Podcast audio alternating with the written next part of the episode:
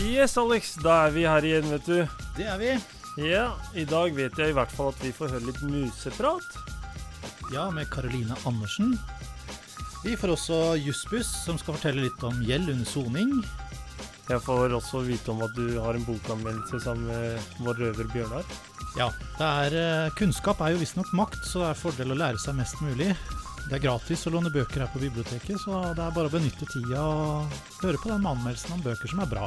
Bare benytt dere av tilbudet, jeg jobber jo der. Og så får vi også med oss et røverpanel, der vi tar for oss avhør i dette panelet. Det er også kjekt å kunne vite litt om. Eh, vi har kvinnedagen. Vi er fortsatt glad i kvinner, er vi ikke det, Osman? Jo, vi er jo glad i kvinner, men eh, vi får se hvem som topper den lista. 8. mars og den offisielle kvinnedagen har akkurat vært. Så vi i Røverradioen vil gratulere alle kvinner med det. Litt på etterskudd, men bedre sent enn aldri. Uansett, alle menn generelt syns det er vanskelig å leve med dere, men det er helt for jævlig å leve uten dere. Så til alle dere damer her ute som har blitt skuffa av menn, vil vi i Røverradioen bare beklage vår oppførsel og væremåte. Nå kommer en låt ifra de derre med jenter som kommer og jenter som går. Røverradio. Ja, vi her i Radio Røverhuset her på utsida av Oslo fengsel, vi har vært så heldige å fått besøk av Eirik og Rikke fra Jussbuss, som skal snakke litt om temaet gjeld under soning og tiltak for å forhindre at gjelden man eventuelt har, vokser seg styggstor til man kommer ut. Men helt først, eh, Eirik, kan du fortelle litt om eh, hva Jussbuss er for noe? Ja, Jussbuss er da et eh, gratis rettshjelpstiltak som er drevet utelukkende av studenter. Og vi holder til i Arbins gate i Oslo. Eh, men det som er viktig i dette tilfellet, her er at vi har saksmottak i fengsler på Østlandet ukentlig. Og vi kommer hver tredje uke cirka, til Oslo fengsel. da. Eh, men vi prøver å besøke så mange fengsler som mulig. Men vi tar også imot henvendelser fra alle fengsler i Norge, som bare kan ringe inn til oss når de selv ønsker det, og snakke om forskjellige saker som er juridiske. da. Ja, Veldig bra. Dere er frivillige jusstudenter. Det er vi. Vi er frivillige studenter som holder på i ett år der eh, hvor vi jobber fulltid med denne type saker, da, og andre typer saker. Mm. Ja, men Veldig bra. Um, og jeg, jeg, har jo en del spørsmål om gjeld under soning, for det er mange som sitter inne som har mye gjeld. Uh, og hva er liksom det viktigste man må tenke på når man soner og har gjeld, og da mest sannsynligvis ikke betaler det? da? Ja. Det aller viktigste er at man må faktisk ta stilling til gjelden sin. Det er det aller viktigste. At man må prøve å nøste opp i hva slags gjeld man har. Eh, og rett og slett bare prøve å komme i, til bunns i hvem man skylder penger, og hvorfor.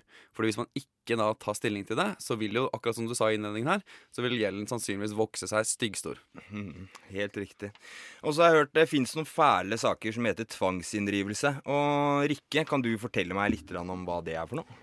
Ja, det er hvis du har mange kreditorer, og du betaler ikke, og de mener at du skal betale, så kan de gå til namsmannen hvis de har krav mot deg, og så kan de kreve det inn. Og det de kan gjøre, eller namsmannen kan da ta eh, penger fra lønnen din, eller de kan også ta pant i gjenstander, altså leiligheten din, bilen din, huset ditt, båten din, eh, stolen din, hva som helst. Eh, så det som er viktig, sånn som Eirik sier, er at man må ta stilling til gjelden sin. Det hjelper ikke å på en måte gjemme seg bort. Man må da si at 'nei, det er jeg ikke enig i', eller 'det jeg skylder deg ikke de pengene', eh, ja, og så videre. Ja, det, det, er ikke jeg noe hypp på å være med på, i hvert fall. Vi skal snakke mer med dere, Eirik og Rikke, men først Allo Black med I Need Dollar. Forliksråd, det er noe som kan bli tatt i bruk. Og hva er egentlig det, og hva foregår der, Eirik?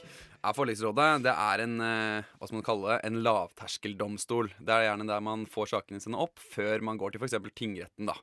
Eh, og den brukes i utstrakt grad som en sånn inkassodomstol. Det høres veldig komplisert ut, men kort fortalt er det når en, kreditor eh, en du skylder penger, ønsker å få eh, saken Eller få grunnlag, eller tvangsgrunnlag, som Rikke snakket litt om i stad, så er det sånn at de må ha en dom på kravet hvis ikke de får ditt samtykke.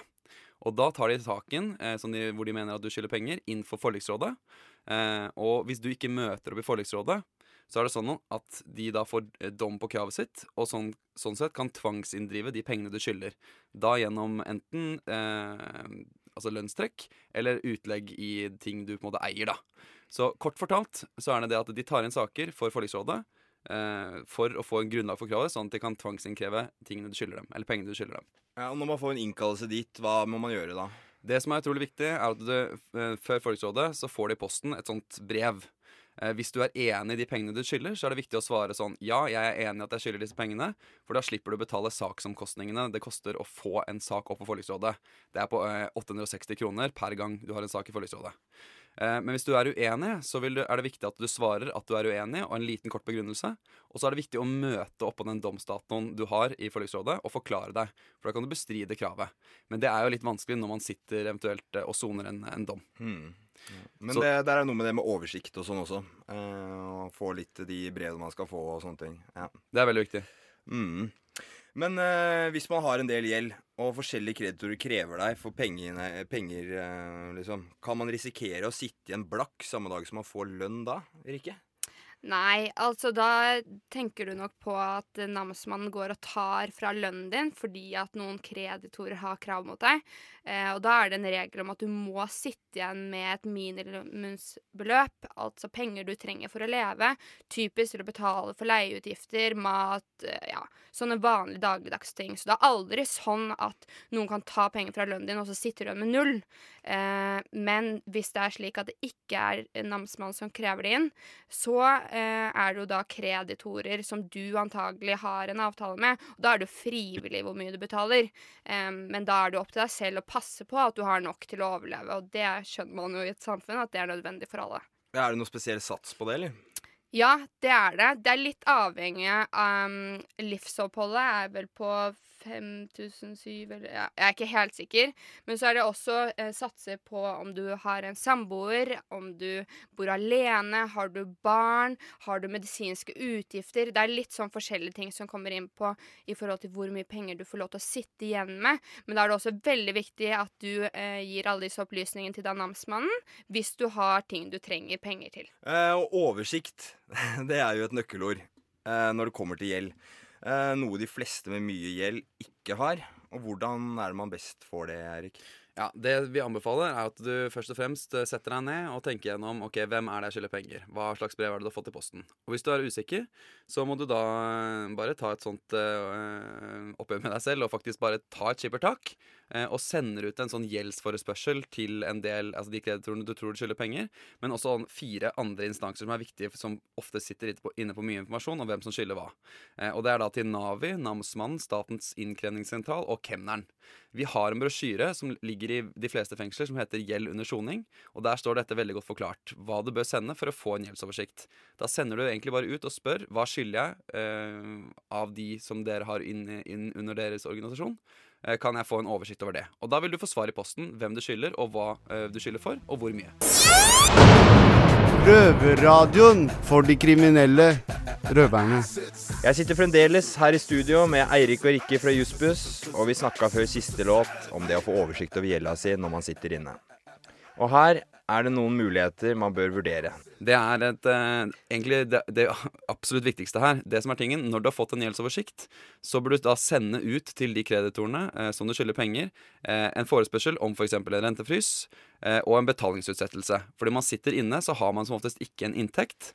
Eh, og da er det viktig å eh, utsette den, de betalingene man ønsker å gjøre, til etter man kommer ut igjen og kommer i gang med livet sitt og får jobb igjen. Eh, og da sender man ofte ut en forespørsel til kreditorene sine, som er også ferdig formulert i denne brosjyren, som man bør se på. Man sender ut til de forskjellige kreditorene og ber om rentefrys og eh, betalingsutsettelse til man da kommer ut igjen. Og Det vil jo da føre til at når man kommer ut og kommer i gang med livet sitt igjen, får, en, får arbeid, så har ikke disse kravene bygd seg gigastore eh, mens man har sittet inne. da. Så det er veldig, veldig lurt. Så helt til slutt så er det noe som heter ettergivelse og gjeldsordning. Hva er dette, og kan du fortelle litt mer om mulighetene for å kunne få dette, Rikke? Ja, altså gjeldsordning er noe noen kan få. Eh, og det gjeldsordning innebærer at du betaler så mye du overhodet klarer, i gjerne mellom tre til fem år. Eh, og så betaler du Da sitter du med et minimumsbeløp sitter du igjen med hver måned, og så betaler du alt til kreditorene dine. Og i løpet av den femårsperioden eller treårsperioden eller hvor mange år det skal være, når du da er ferdig, så eh, slettes resten av gjelden din. Det betyr at hvis du har en veldig stor gjeld og veldig liten inntekt, så betaler du egentlig ganske lite av gjelden din da totalt, men fordi man ser at du aldri kommer til å ha mulighet til å betale dette, så vil man heller at kreditorene kan få noe, eh, og også gi dem mulighet til å komme tilbake til samfunnet igjen, da. Men det er to vilkår. Du må være varig ute av stand. Altså må, man må vite at du aldri kommer til å kunne betale tilbake disse pengene. Og gjeld må ikke være støtende. Eh, noen type gjeld er sånn som man vil at du skal betale, og man vil ikke slette. Typisk voldsoffererstatning, skattegjeld, eh, og også gjeld som er nyere enn tre år, er man veldig kritiske til å gi gjeldsordning på. Og dette er absolutt noe man kan søke om etter man har fått oversikt over gjelden sin, men det er også viktig å si at det er veldig veldig vanskelig å få en slik gjeldsordning, og det er også noe man bare som regel får én gang. Når det eh, snakkes om ettergivelse av gjeld, eh, så vil det typisk være at du kan i noen tilfeller så kan du si til eh, f.eks. kreditor at eh, du, jeg har 60% av det jeg skylder deg, kan jeg faktisk betale deg her og nå med en gang, eh, men da må du gå med på å frafalle de siste 40% da.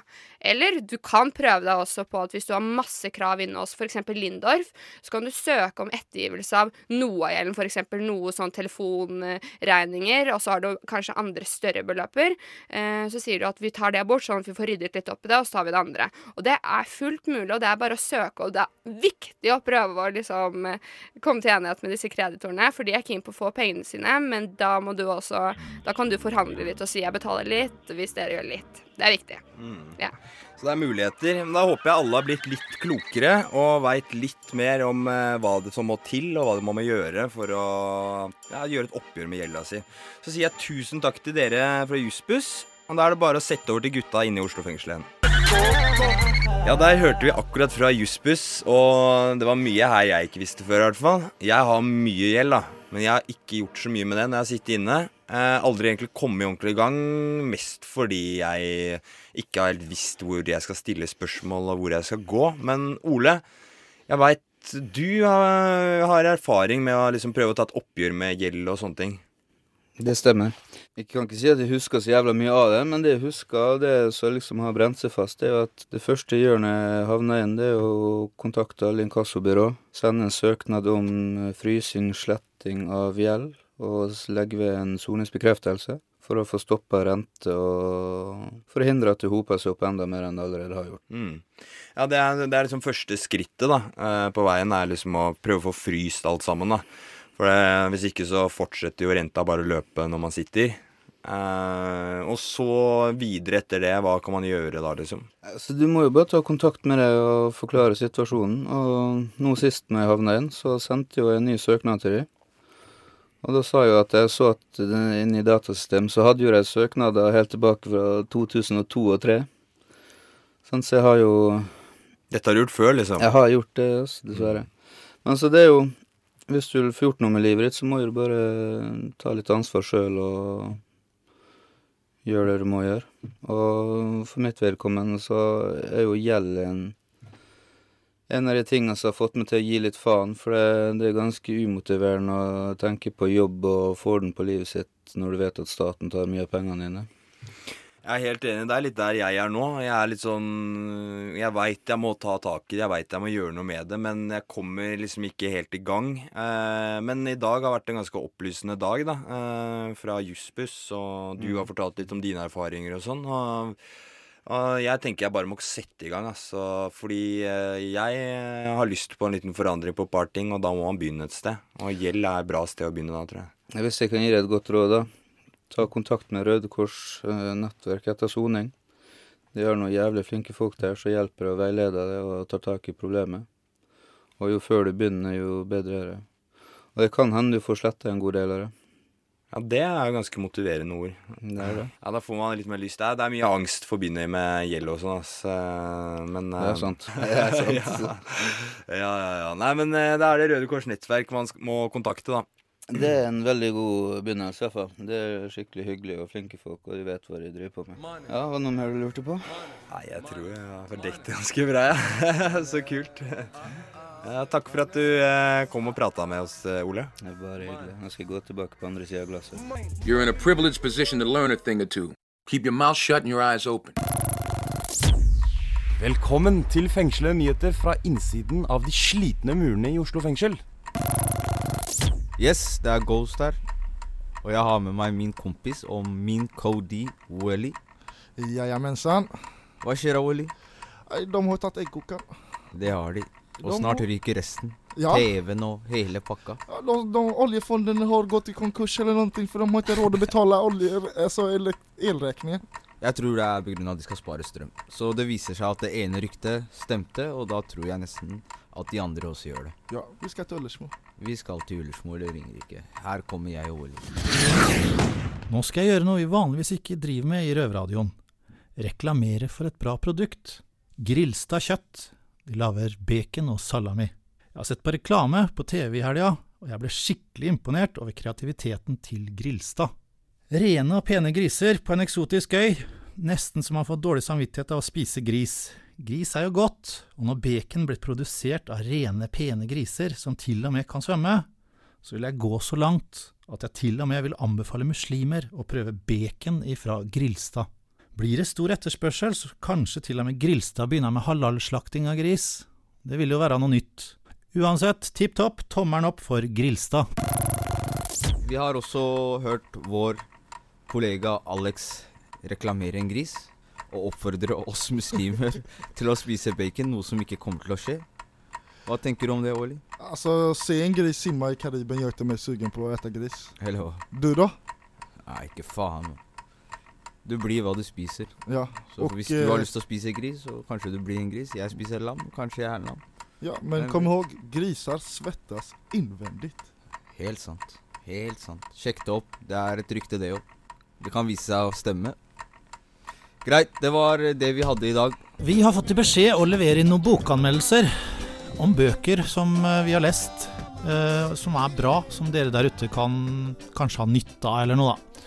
Jeg står fortsatt sammen med Bjørnar, og du har jo sittet i mange timer på cella og skamma deg under den soninga her, og lest eh, bøker.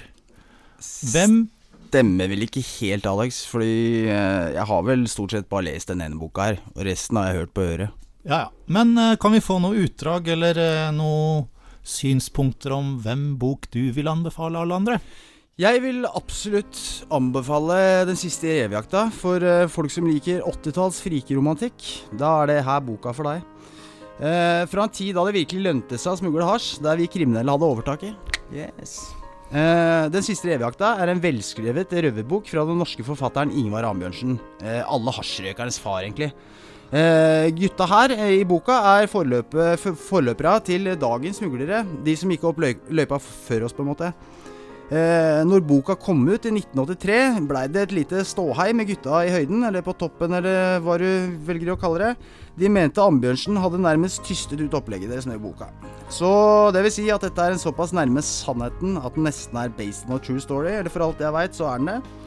Så mekk deg en sterk kaffe, slå av TV-en og nyt den største kultboka i norgeshistorien. Ja, Hvis du skulle gitt et terningkast på den, hva ville du gitt den da? Nei, Det blir en klar sekser, ass. Ja, men da hører dere det. Eh, Jeg har jo faktisk lest noen bøker, jeg òg, under den soninga her. Eh, Den mest interessante jeg kan komme på, er jo eh, Art of War, som er skrevet i, eller handler om en kinesisk general som levde for 2400 år sia. Røker han hasj, eller? Nei, dem holdt vel på med opium, tror jeg. Men uh, det er jo en bok som ble skrevet lenge før Jesus og Bibelen og alt dette der, altså. Mm. Det Er den like sann, da? Ja, det er, handler jo om strategisk krigføring, og det er jo topp aktuelt en dag i dag. Visst. Så er det noen andre forfattere vi kan dra fram i samme slengen? Ja, altså, jeg veit ikke hva han heter, da. Men jeg veit han har skrevet en jævla bra bok. Det er dritmorsom, altså. Men jeg, jeg veit ikke hva han heter for noe. Den heter 'Hundreåringen som hoppet ut vinduet og blei borte'. Den er helt genial. Ja ja, eh, vi drar jo nesten en Bertrands metode i dag, vi da. Det er jo å kjøre på med ikke bare én, ikke to, er det tre? Kanskje jeg drar på med til, da. Alle som har eh, lest Fifty Shades of Grey, det er jo en eh, ja, hva skal en si, sexrelatert bok. Det er vel ikke mykporno engang, det for deg? Nei, men eh, det er en fransk eh, eh, En gammel fransk pervo som heter Marquis de Sade, som levde på De Sade? midt- de Som i ja. sadomasochisme? Oh. Det er jo sadomasochismens far. Han skrev en drøy bok som heter 'Lektyre på sengekanten'. Smid. Og den Alle som liker Fifty Grades alle Grades of Shay? Ja, alle som liker 50 50 Shades of Grey. Shades of Grey vil nok eh, like den her. Han er ett hakk drøyere, for å si det sånn. Ja, ja. ja. Jeg ser filmen, jeg, tror jeg. Gjør det. Nei, men da har vi vel gjort nok for nå. Ja, jeg syns det. Røverradioen. Du suger, vi er best. Universet. En uendelighet av stjerner og planeter. Ingen vet hvor stort eller hvor gammelt det er. Lenge har mannen klødd seg rundt i stiklene og undret seg over kvinnen. Nå letter vi på sløret i Museprat! Du hører på Røverradioen. Nå blir det museprat med Benjamin og Karoline Andersen. Hvorfor stiller dere spørsmål når dere allerede vet svaret? Fordi vi vil ha bekreftelse. Vi trenger bekreftelse, og vi trenger det gjentatt, gjerne tre ganger, pleier jeg å si. Det var museprat med Karoline og Benjamin. Hvis du som mann eh, mot all formodning har en klar tanke som ikke har noe med sex å gjøre, så send inn dine spørsmål til museprat på røverhuset.no, eller gi en lapp til en røver på biblioteket. Ja. Da sier vi tusen takk til Karoline Andersen for å ha oppklart nok et mysterium om kvinner. Før det hørte du Skunk and Nancy med 'Secretly'. Videre i sendinga nå er det klart for den nye spalta vår, Røverpanel, hvor gutta tar opp temaet avhør. Send oss gjerne jailmail med ønsker eller spørsmål, så er du kanskje heldig og får det på lufta. Oi! Boris Bete, da. Hva gjorde du, Sheffield? Har du hørt den nye, eller veit du hva vi prater om? Vi i Oslo fengsel har startet opp noe nytt, og det er røverpanel. Røverpanelet går ut på er at vi tar opp forskjellige temaer fra gang til gang.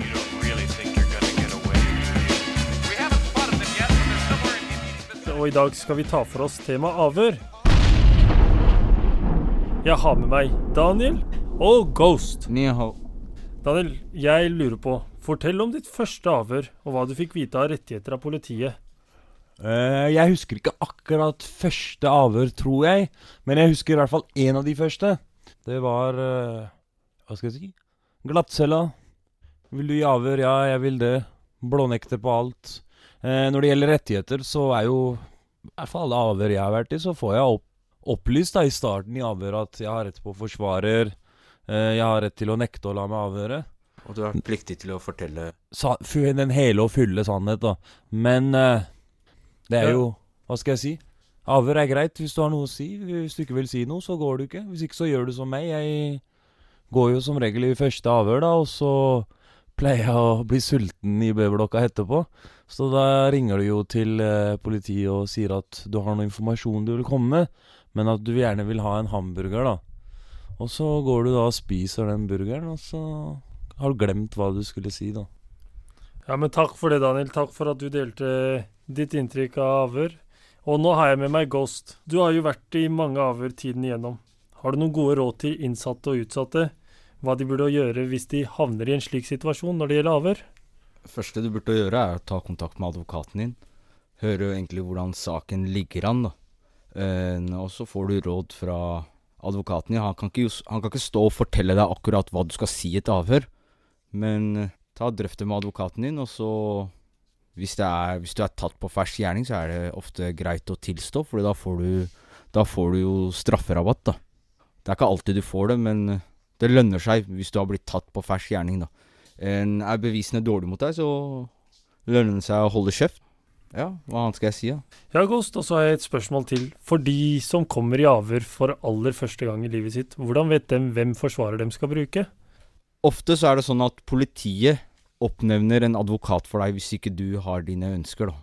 Det er ofte ikke så lurt, med tanke på at de gir deg Det er jo en taktikk fra politiets side, det er det jeg føler, da. At de serverer deg en møkkaadvokat som akkurat har veldig dårlige karakterer når det kommer til strafferett og jussen hans, da.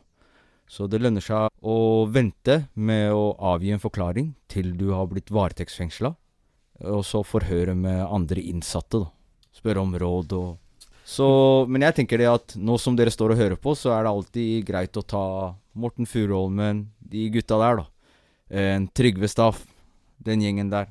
Jeg vet ikke så mye om Svein, men shit. La Ja ja. Svein Holden får være denne gang. Men jeg takker både Daniel og Ghost for at de var med oss. Og dere som er der ute og innsatte som skal i avhør, Ta disse rådene til følge, og kanskje dere blir noe klokere når dere skal i avhør. Du hører på Røverradioen fra Oslo fengsel. Det var Chief Keef med I Don't Like. Og røvere kommer, og røvere går her i Røverradioen. Og det er vi jo veldig glad for. Og på denne dagen er det et veldig spesielt redaksjonsmedlem som skal forlate oss. I dag skal jeg snakke litt om Usman. Usman er jo Røverradioens høvding. Mannen som vet alt om alt, og er det mest positive mennesket jeg har møtt. Osman har systemisk sklerose, men klager aldri, og trenger aldri noe når vi andre spør. Jeg tror at han skjuler hvor vondt han egentlig har det. Hei, Osman. Hei, hei, Daniel. Åssen har du det? Har det kjempefint. Hvordan har du det om dagen egentlig, Osman? Jeg har det helt greit, jeg. Jeg ser på klokka, tida går. Dagene går. Ingenting er bedre. Du har jo en ganske alvorlig sykdom. Eh, hvilken smerter har du egentlig?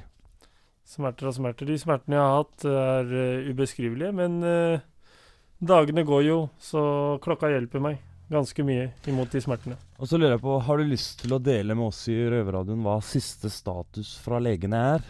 Siste status fra legene er at det er gråsone for soningsudyktighet, og det er det man går ut ifra da. eh, Etter en spesialisterklæring fra Rikshospitalet. Men etter mye nedgang så begynner det å nærme seg noe positivt, da. Du skal jo snart slippes ut i det fri. Hva, hva tenker du om det, egentlig?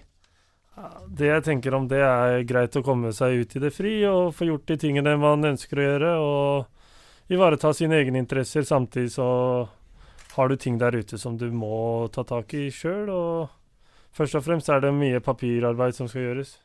Mange her på huset lurer på hva du gjør i fengsel når du er så alvorlig syk. Hva tenker du om det selv?